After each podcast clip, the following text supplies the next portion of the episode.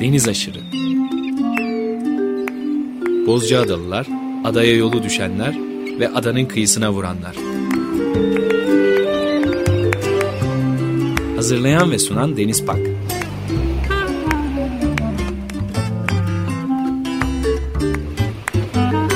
Türkiye için rüzgar enerjisi üreten Demirer Enerji'ye katkılarından dolayı teşekkür ederiz. 95.0 Açık Radyo'da yeni bir Deniz Aşırı programından herkese merhaba. Merhaba herkes. Program konuğumuz Deniz Anlıtemiz. 18. Açık Radyo Dinleyici Destek Projesi'nin özel yayınını bugün gerçekleştireceğiz. Deniz Anlıtemiz'le de birlikte dördüncü kez bu destek yayınında bir arada bulunuyoruz. Dört olmuş, bayağı ciddi bir desteğin olduğunu söylemeliyim Deniz. Valla elimden geleni yapıyorum. Açık Radyo benim deneme yayınlarından beri dinlediğim, çok da sevdiğim bir radyo. Ondan sonra bu destek programının da 18. yaşına eşlik ettik. Yani 14. yaşında başlamışız. Ben aşırı deniz demeyi seviyorum. Bizim ikimizin olduğu programlar iki tane deniz olduğu için. Dördüncü aşırı, aşırı denizimiz ve destek programı da Açık Radyo destek programı da artık e, ehliyet alabilecek yaşa gelmiş. Artık e, ehliyet alsın, uzaklaşsın gibi mi düşünüyorsun? Yok hayır yani evlenip e, üremeyi tercih edebileceği de artık bir yaşta. Dolayısıyla başka daha ufak destek programcıkları da e, şu dünyaya getirebilir. Sonuçta Açık Radyo ve benzeri yani hani hala bağımsız kalmış bir takım yayınların diyeyim ya da yayıncıların e, desteklenmesi lazım. Ve biz yani bu burada da lafı açılmışken söyleyeyim bu sefer artık bir telefon numarası yok. Direkt e, www.acikradyo acikradyo.com.tr'ye girince bu iş olabiliyor ve gayet de yani hani uygun fiyatlar olabiliyormuş. Bunu da öğrenmiş oldum ben. Dolayısıyla girip orada program destekçisi olabilirler biz dinleyenlerimiz. Programın önünde isimleri söyleniyor. Bence havalı bir şey yani. Evet. Açıkradyo.com.tr adresinde program destekçisi olun diye özel bir buton evet. var. Orayı tıkladıkları zaman orası sizi yönlendiriyor destek olabilmek için.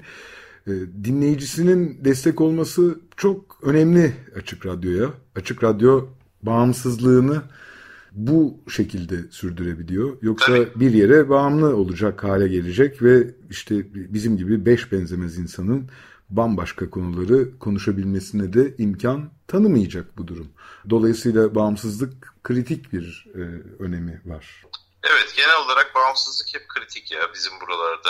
Yani hem kişisel olarak hem e, kurumsal olarak hem toplumsal ülke olarak. olarak falan evet hep böyle savaşında vermişiz falan öyle bir şey var. O yüzden de önemli.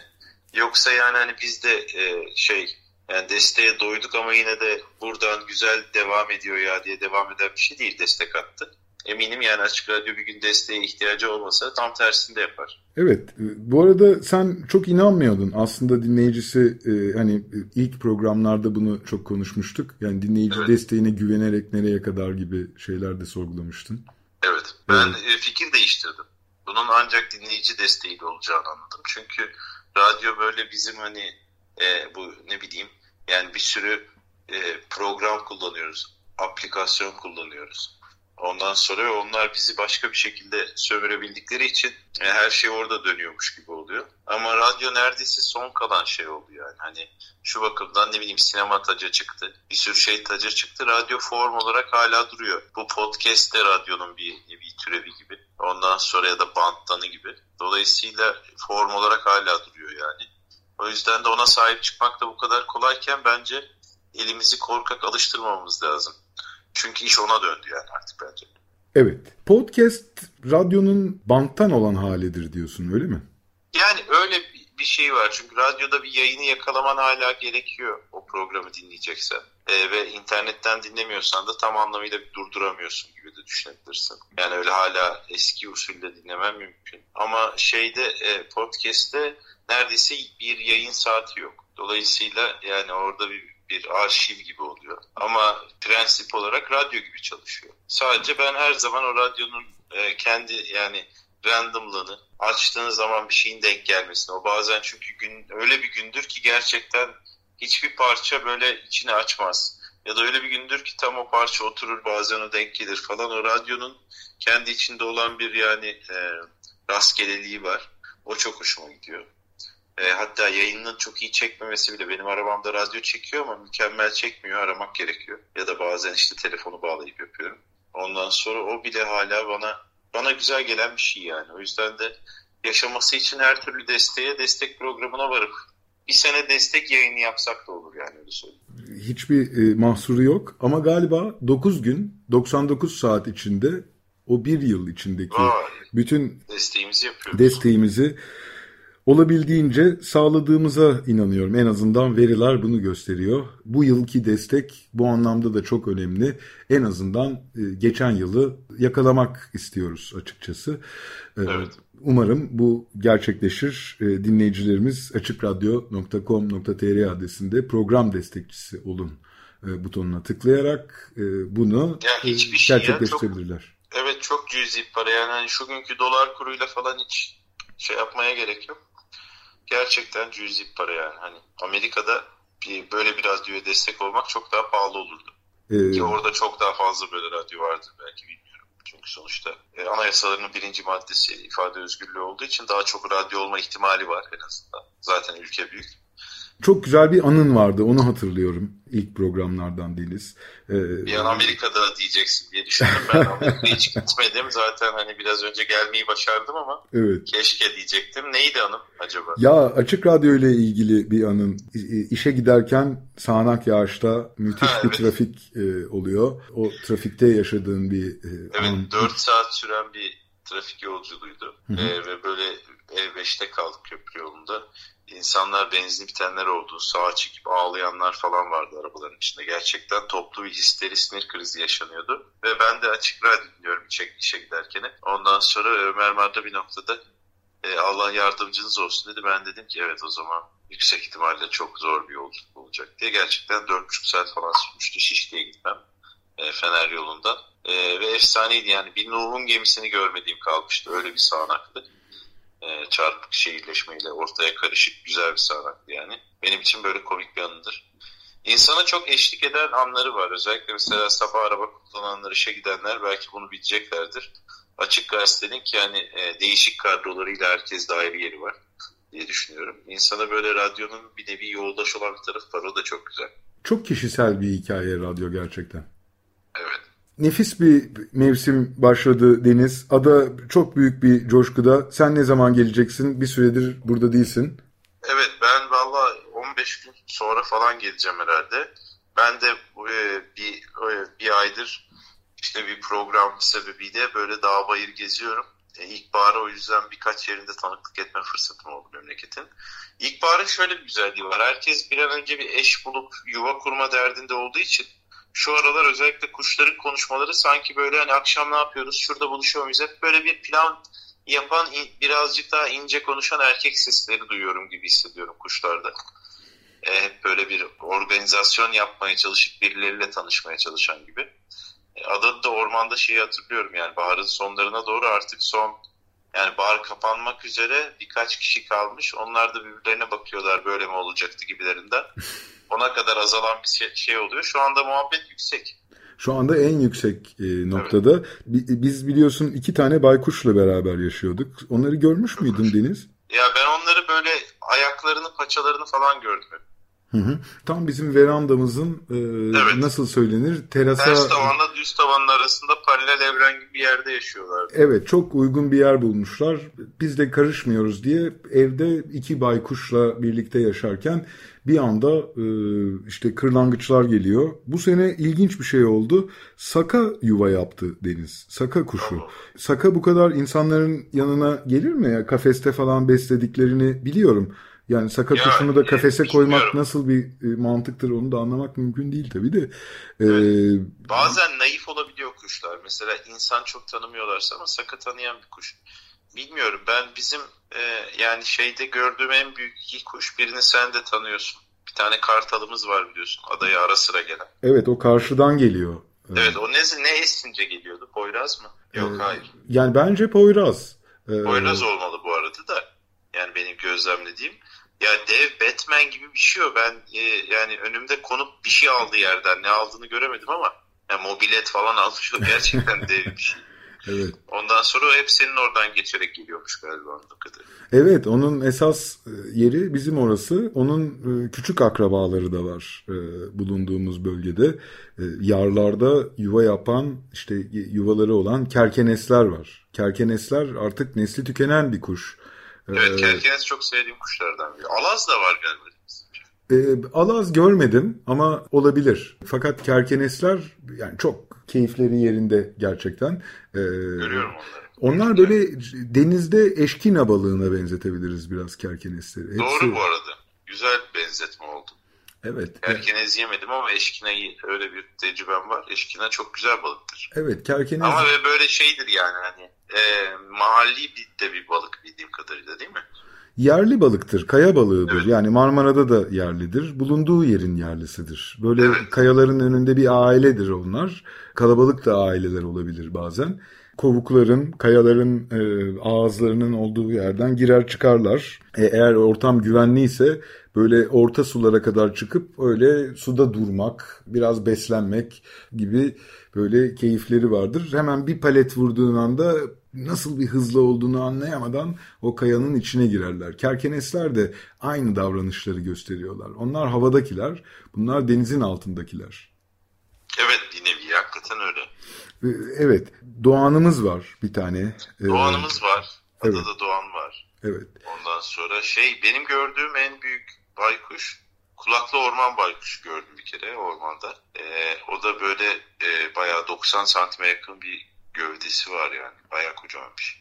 Onu gördün mü? da bebek gibi gördüm ama şey baykuşlar özellikle çok en az ses çıkaran uçan canlılarmış yani. Ona göre bir kanat şeyleri varmış. Çok uzun mesafede uçmuyorlar ve kamuflajdalar hep. Dolayısıyla ben uçtuğunu neredeyse kalktığı dalın sesinden duyduğum gibi oldu. Ve kafamı çevirdiğimde çok yakınımdan geçti. Ve tabii hiç ses çıkarmadan uçan ve yüzü de yüz gibi ya onun yani. Döndüğü zaman sana gözleri aynı insan gibi neredeyse yan yanalar yani. Evet. Kuşlardaki gibi kafanın iki tarafında gibi değiller. Dolayısıyla böyle neden baykuşlara bir takım mistik anlamlar yüklendiğini bir saniyede anladım. Çok huşu içinde de izlediğim bir şeydi. Her kışta bakınıyorum kendisini gör yani biliyorsun kuşların çünkü kendini gösterdiği sezonlar var her zaman online olmuyorlar. Haklılar. İyi de yapıyorlar. Tabii. Göçmenlerin de yerellerin de öyle tripleri var yani. Evet. Adada çok göçmen kuş yatağı yok diyelim. Yuvası ya da durağı değil pek fazla göçmen kuşların ama kırlangıçlar geliyor. Ormana mutlaka uğruyorlardır. Ama mesela leylekler ben çocukluğumdan beri çok nadirdir adada yok, leylek evet, görmem. Havada görebiliyoruz. Yani. Evet en fazla. Kırlangıç oluyor dediğim. Kırlangıç. En ya, sevdiğim kuş olabilir bu arada kırlangıç. Ya müthiş bir formu var değil mi? Ne kadar müthiş güzel. Müthiş bir formu var. Hiç yere konmaması. Hı hı. Hep böyle havada bir yere konması. O ilk hızı mutlaka düşerek alması falan. Ve aşırı akrobat. Evet. Yani burada e, şeyde yani ne zaman onların uçtukları kendilerini böyle sınadıkları rüzgarlar var. O rüzgarlar olunca mutlaka çıkıyorlar. Poyraz olabiliyor, lodos olabiliyor o rüzgarlarda bir, bir takım vadilerde ya da bazen iç mekan bile olabiliyor. Bir yani veranda gibi onların direkleri arasında dönebiliyorlar. Saatlerce izleyebiliyorum yani boynum tutulana kadar. Ben ilk uçuşlarının hastasıyım öyle söylemeliyim. Bebeklerin ilk kez uçtukları anlara çok tanık oluyorum. Tam bizim oturduğumuz verandanın üstünde oturuyorlar.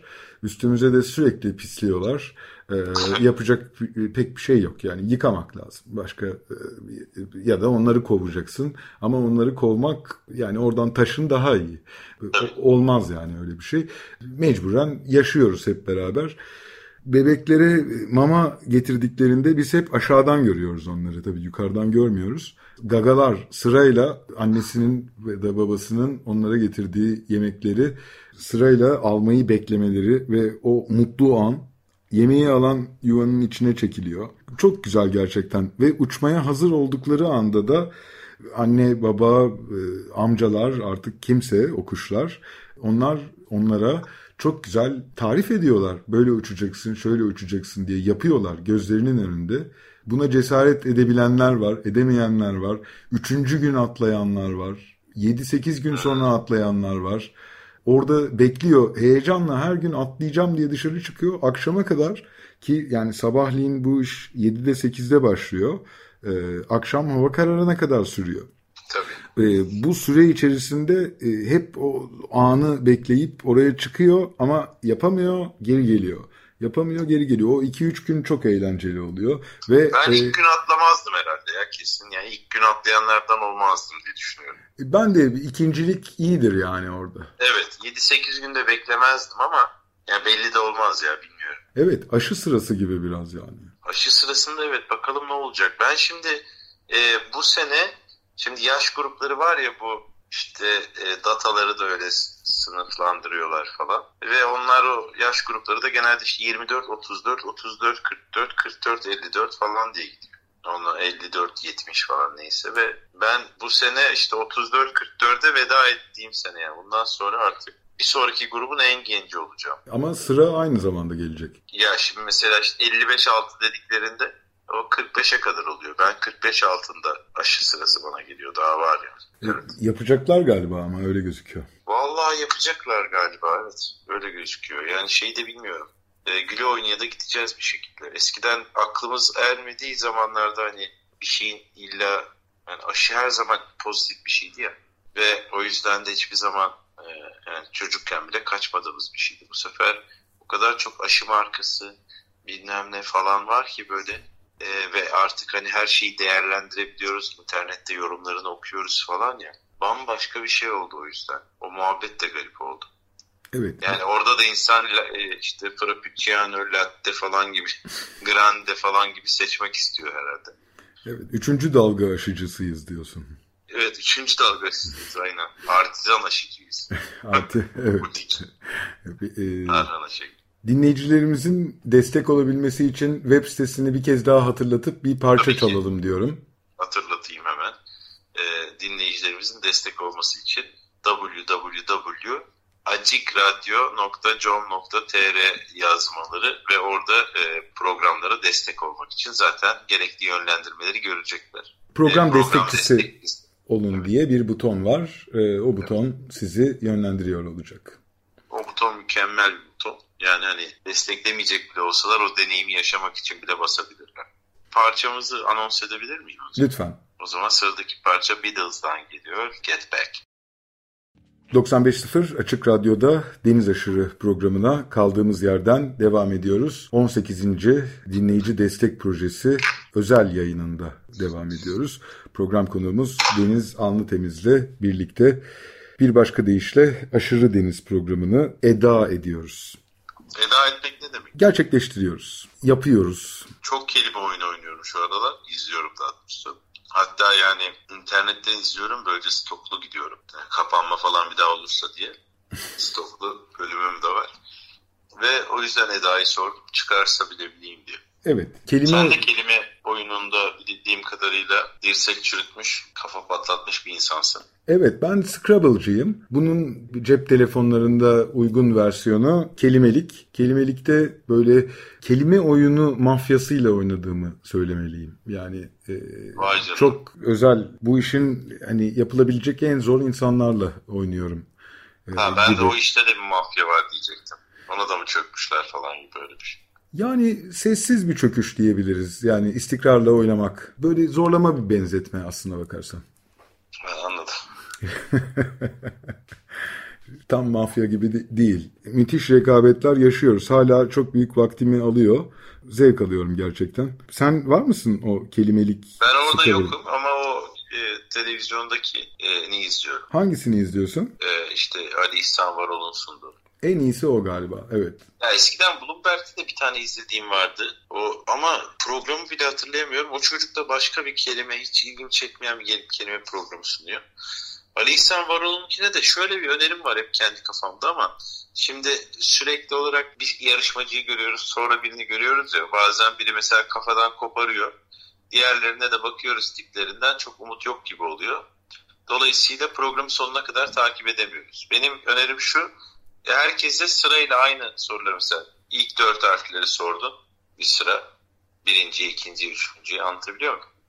Sonra ikinci soruyu herkese sırayla sordun gibi. Böylece daha at başı olur diye düşünüyorum. Evet rekabette iyi olabilir ama Ama 5 düğme gerekecek falan şimdi onlar da zor. yayıncılıkta belki zor olabilir. Yani çünkü Evet. o onlar bir denge kuruyorlar. Daha uzun sürüyor. Böylelikle daha fazla izleniyor gibi hesaplar olabilir.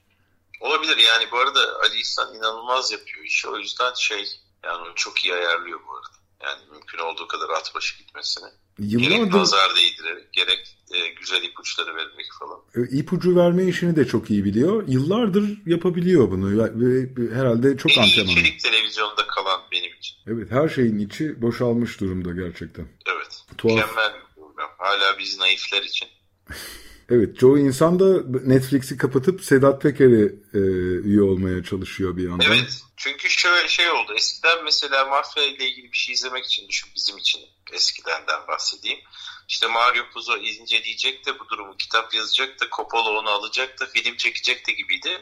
Şimdi direkt menbaadan alabiliyorsun. Evet. Çünkü hepsi burada dükkanı var gibi düşün. Ben şeyi e, bu bu konuda da tabii yorum videoları falan izliyoruz ister istemez. Orada bunları güzel güzel anlatan şeyler buldum böyle hani şemasını çizmişler.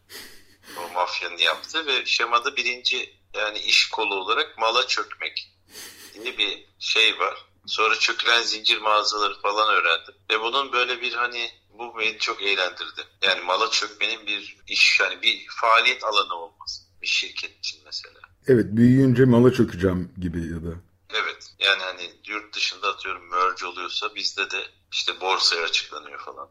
Malımıza çöküldü gibi ona göre. Hisselerin değer mi kaybediyor, artıyor mu artık? Sirk gibi izlemeye devam ediyorum. Ama en azından menbaandan olması ilginç oldu. Ben de YouTube'a iş yapan bir insan olarak bir anda böyle bir kuvvetli bir rakip benim de üreteceğim içerikleri ona göre güncellememi gerektirecek yani. Bundan sonra mutlaka masada her seferinde farklı olmak üzere bir kitap ne koyabilirim diye şimdiden kitaplığıma baktım o gözle. Ee, bir tane 131 e, tamir kılavuzu var. O böyle kalın bir kitap. Çok iyiymiş. Ee, babamdan Mehmet Akif Ersoy'un safahatını aldım. O güzel. O da bir kalın. Ondan sonra ama yani hani 5 bölümde bitiyorum gibi gözüküyor. Yeni kitap almam lazım gibi bir şey var. Red kitlere falan düşüyoruz. Ekrana koyabilirsin. E-kitap, download falanla çözebilirsin belki. Ha PDF olarak koyabilirim. Evet o aynı zamanda biraz daha açıklayıcı da olabilir yani. Oraları geliştirmek de lazım. Çünkü ağaç buldum bambu. O arka fondaki yani bambuları benzerini oluşturabilecek. Beyaz gömlek o kadar kaliteli olmasa da var. Su zaten var ama ben çay peti bör tercih ediyorum. Evet. Yani şey, yani konuşmam yine böyle olacak, normal olacak. Çünkü orada Ferhan Şensoy'a neredeyse yaklaşan yerleri var tonlamaları. Evet ya hitabet kabiliyeti, akıcılık, sürükleyicilik yani Evet. konu bütünlüğünden Sergen Fazla- gençliği gibi. Yani, fazla evet fazla uzaklaşmama falan yani çok çarpıcı gerçekten. evet, e, zaten e, kendi konusunda da bilgili bir insan. Dolayısıyla e, bildiğim Bamya turşusu gibi her gün ayrı zincirleri izliyoruz direkt menbaandan. Ve ciddi bir rakip yani özellikle YouTube'da. Yurt dışından katılıyor. Belki orası bir Evet, e, o da deniz aşırı öyle düşünebiliriz. E tabi evet belki bir gün birlikte evet belki aşırı deniz programına bir gün onu konuk ederiz. Yani hani böyle bir şey de olabilir bilemiyorum. Yani hani belki Açık Radyo'nun destek işini toptan çözebilir. Evet o evet yani abi uğraşmayın bunlarla falan gibi bir yani Direkt 36. destek programıyla devam edebiliriz. evet yani bir 8-10 yıl ara veriyoruz çünkü e, Yüksek ihtimalle orada- çözer Hmm, evet hikaye ya da olabilir. Açık Radyo'ya çökmelerini falan engelleyip. O yüzden yani zararı olmaz bizim programa konuk olmasın kısacası onu demek istiyorum. Evet Yoksa bizim destek programımız e, buradan bir daha şimdi söylemiş olalım.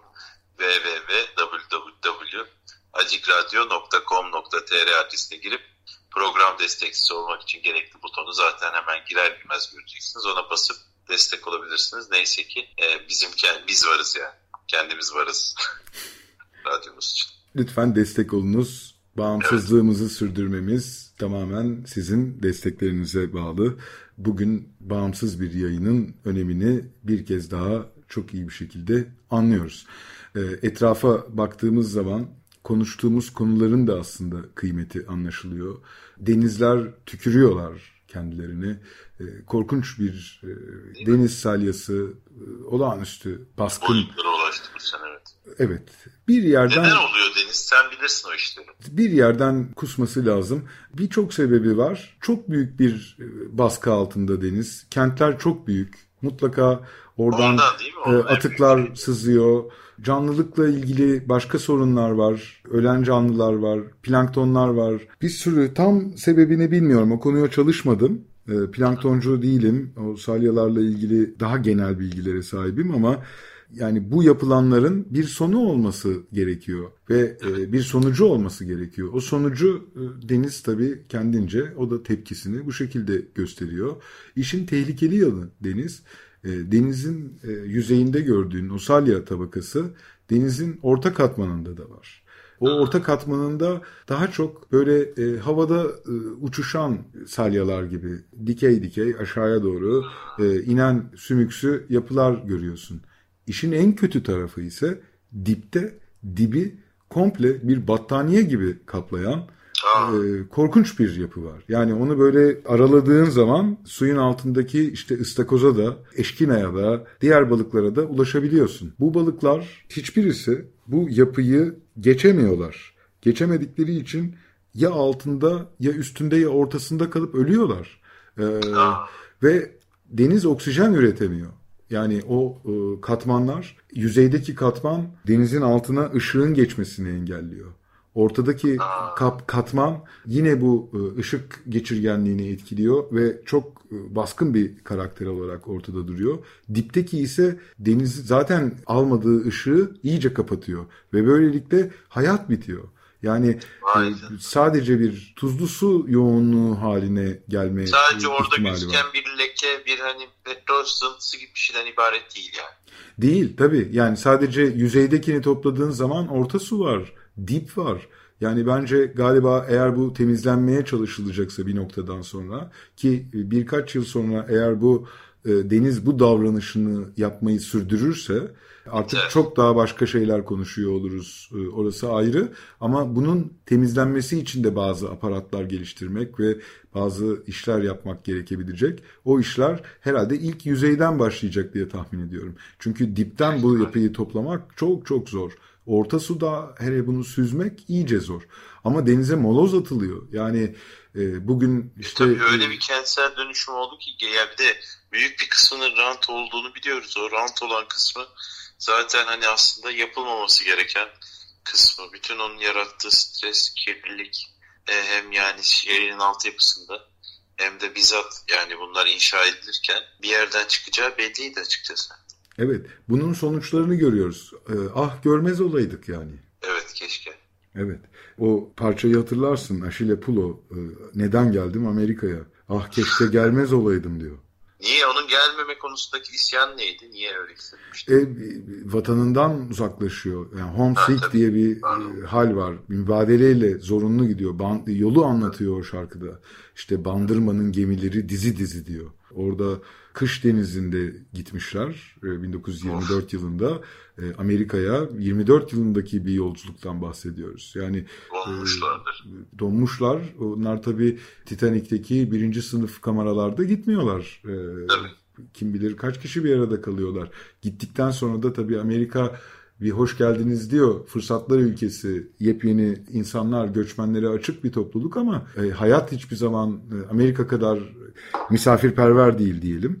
E, orada bambaşka zorluklar e, yaşıyorlar ve her zaman kanatları kırık oluyor orada. Başarılı da olsalar hep bir şeyleri eksik oluyor. O eksikliği gidermekle ilgili sorunları var. Ah gelmez olaydım diyor adam. İşte biz de ah görmez olaydık bu e, denizin bu tepkisini. Evet. E, bir de Kanal İstanbul'la beraber herhalde katmerli olacak gibi ya da duble bir porsiyon yiyeceğiz gibi. Yani gözüküyor. ben onun bilmiyorum e, olabilecek mi merak ediyorum yani. Çavuşesku'nun Bükreş'e denizi getirmesi gibi mi olacak diye merak ediyorum. E, böyle Ama, bir projesi var mıymış onun? E, 30 kilometre falan getirmiş galiba. Gerçekten. Ama tam ulaştı. Evet.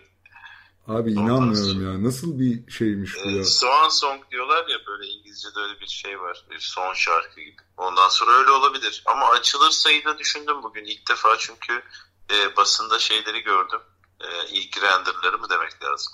Ondan sonra böyle bir e, oyun havuzu gibi de gözüküyor her şey. O kadar yabancılaştım ki dev viyadükler, köprüler onun üzerinde ufak maketler gibi gözükünce. Ee, yani evet ilginç. Neredeyse ikna olacağım. Bu kadar çılgın bir şey ki.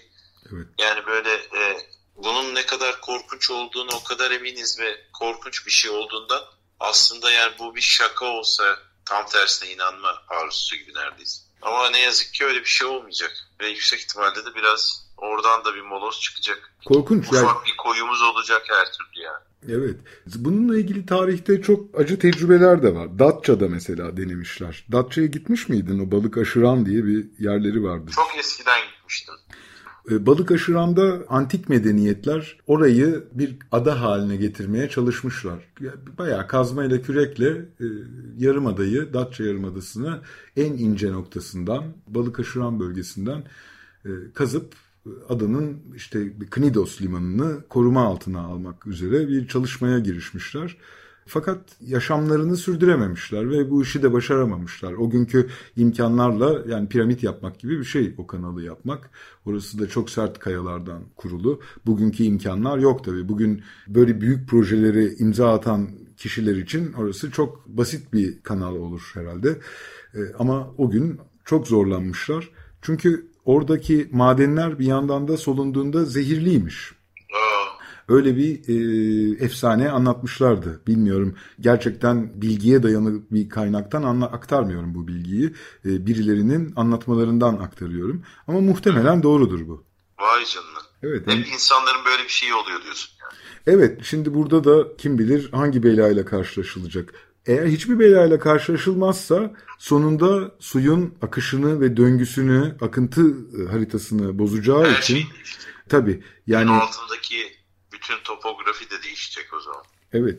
İzmit Körfezi tamamen çöp haline dönüşecek biliyor musun? Bugün hala orada eşkinaların olduğunu, balıkların olduğunu, karagözlerin olduğunu. Evet, inanılmaz bir e, su altı olduğunu görüyoruz evet. ki çok e, hor kullanılmış bir yerdir orası. Tabii ki. Hem de nasıl? Evet. E, ona rağmen o yaşamı sürdüren bir yer. Ama o e, akıntı e, tamamen onun akıntısını yok ediyor öyle mi? E, tabii Havası ya bütün olması. sirkülasyonu bozacak. Yani boğazın debisini değiştirecek, e, akıntı haritasını değiştirecek, başka su e, sirkülasyonları yaratacak. Zaten. Dolayısıyla e, habitatı bozması demek. Evet. Milyonlarca yılda oluşan yapıyı derinden etkileyecek. Sağlam dişi çekmek gibi yani bir yandan. Evet. Böyle bir e, şey. Yayının sonuna geldik. Gerçekten Hadi. evet umarım dinleyicilerimiz destek oluyorlardır ya da destek olmayı düşünüyorlardır. Düşünen dinleyicilerimiz için hemen hatırlatmak istiyorum. açıkradyo.com.tr adresinden program destekçisi olun butonuna tıklayarak e, destek olabilirsiniz. Yarım saatlik ve birer saatlik programları küçük bir ücret karşılığında e, destekleyebilirsiniz. Bu destek e, Açık Radyo için, Açık Radyo yayınlarını bu bağımsızlıkta, bu doğrultuda sürdürebilmesi için son derece önemli. Dinleyicilerimize desteğe davet ediyoruz. Evet, altına imzamı atıyorum. E, Harikuladesin biz de dördüncü dinleyici destek özel yayınını birlikte gerçekleştirdik. Müthiş oldu. Her zaman Daha güzel gibi. günlerde destek olmak şey dileğiyle. Daha da güzel günlerde diyelim. Evet bir de sana şöyle bir teklifim var yayında sorayım ee, biraz emir vaki de yapmış olayım aslında. Destek projesi dışında hiç program yapmadığımızı fark ediyorum. Ee, sadece Allah Allah destek ya. projelerinde buluşuyormuşuz gibi oluyor. Aslında biz e, evet. sık görüşen insanlarız. O yüzden... E, niye olmadı o iş? Niye olmadı o iş? Hayret bence yakın bir zamanda birlikte başka Vesile gündemlerle yapalım. Evet bize de destek olsunlar o zaman en güzel şekilde. Bu programda pek yapmadığımız bir şeyi yaparak bitirelim. Ben bu sene üçüncü kez bu şarkıyı çalacağım. Final şarkısını. O şarkıyı e, dinleyicilerimize armağan etmek istiyorum. Bugün ihtiyacımız olan parça olduğuna inanıyorum bu parçanın.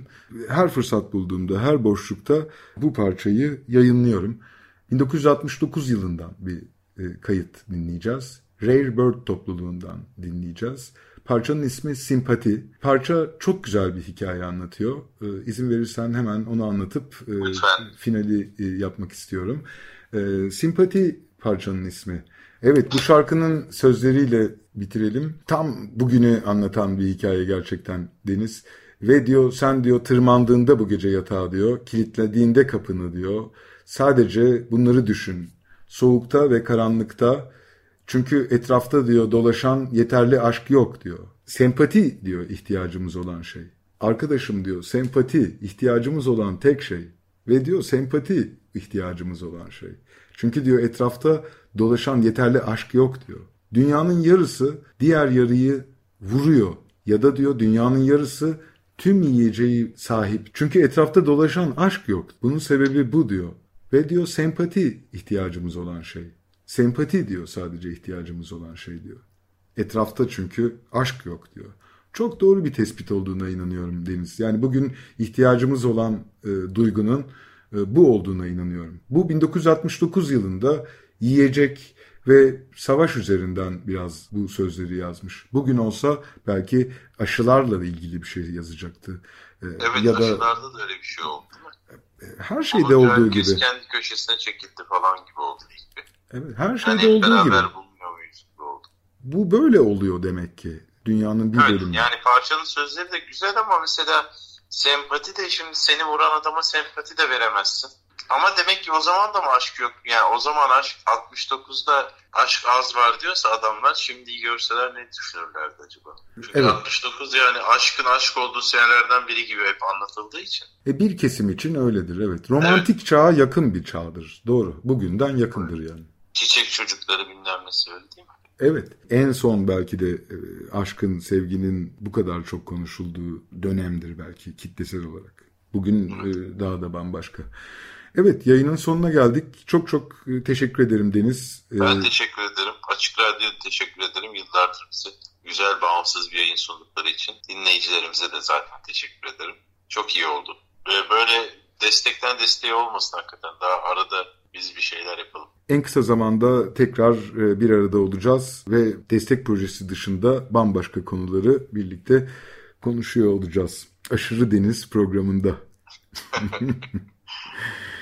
Bu hafta program konuğumuz Deniz Alnıtemiz idi. Önümüzdeki hafta salı günü saat 11'de yeni bir Deniz Aşırı programında buluşuncaya dek hoşçakalın. Hoşçakalın.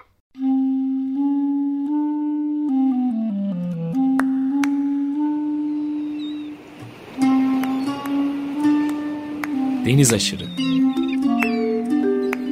Bozcaadalılar, adaya yolu düşenler ve adanın kıyısına vuranlar. Hazırlayan ve sunan Deniz Pak.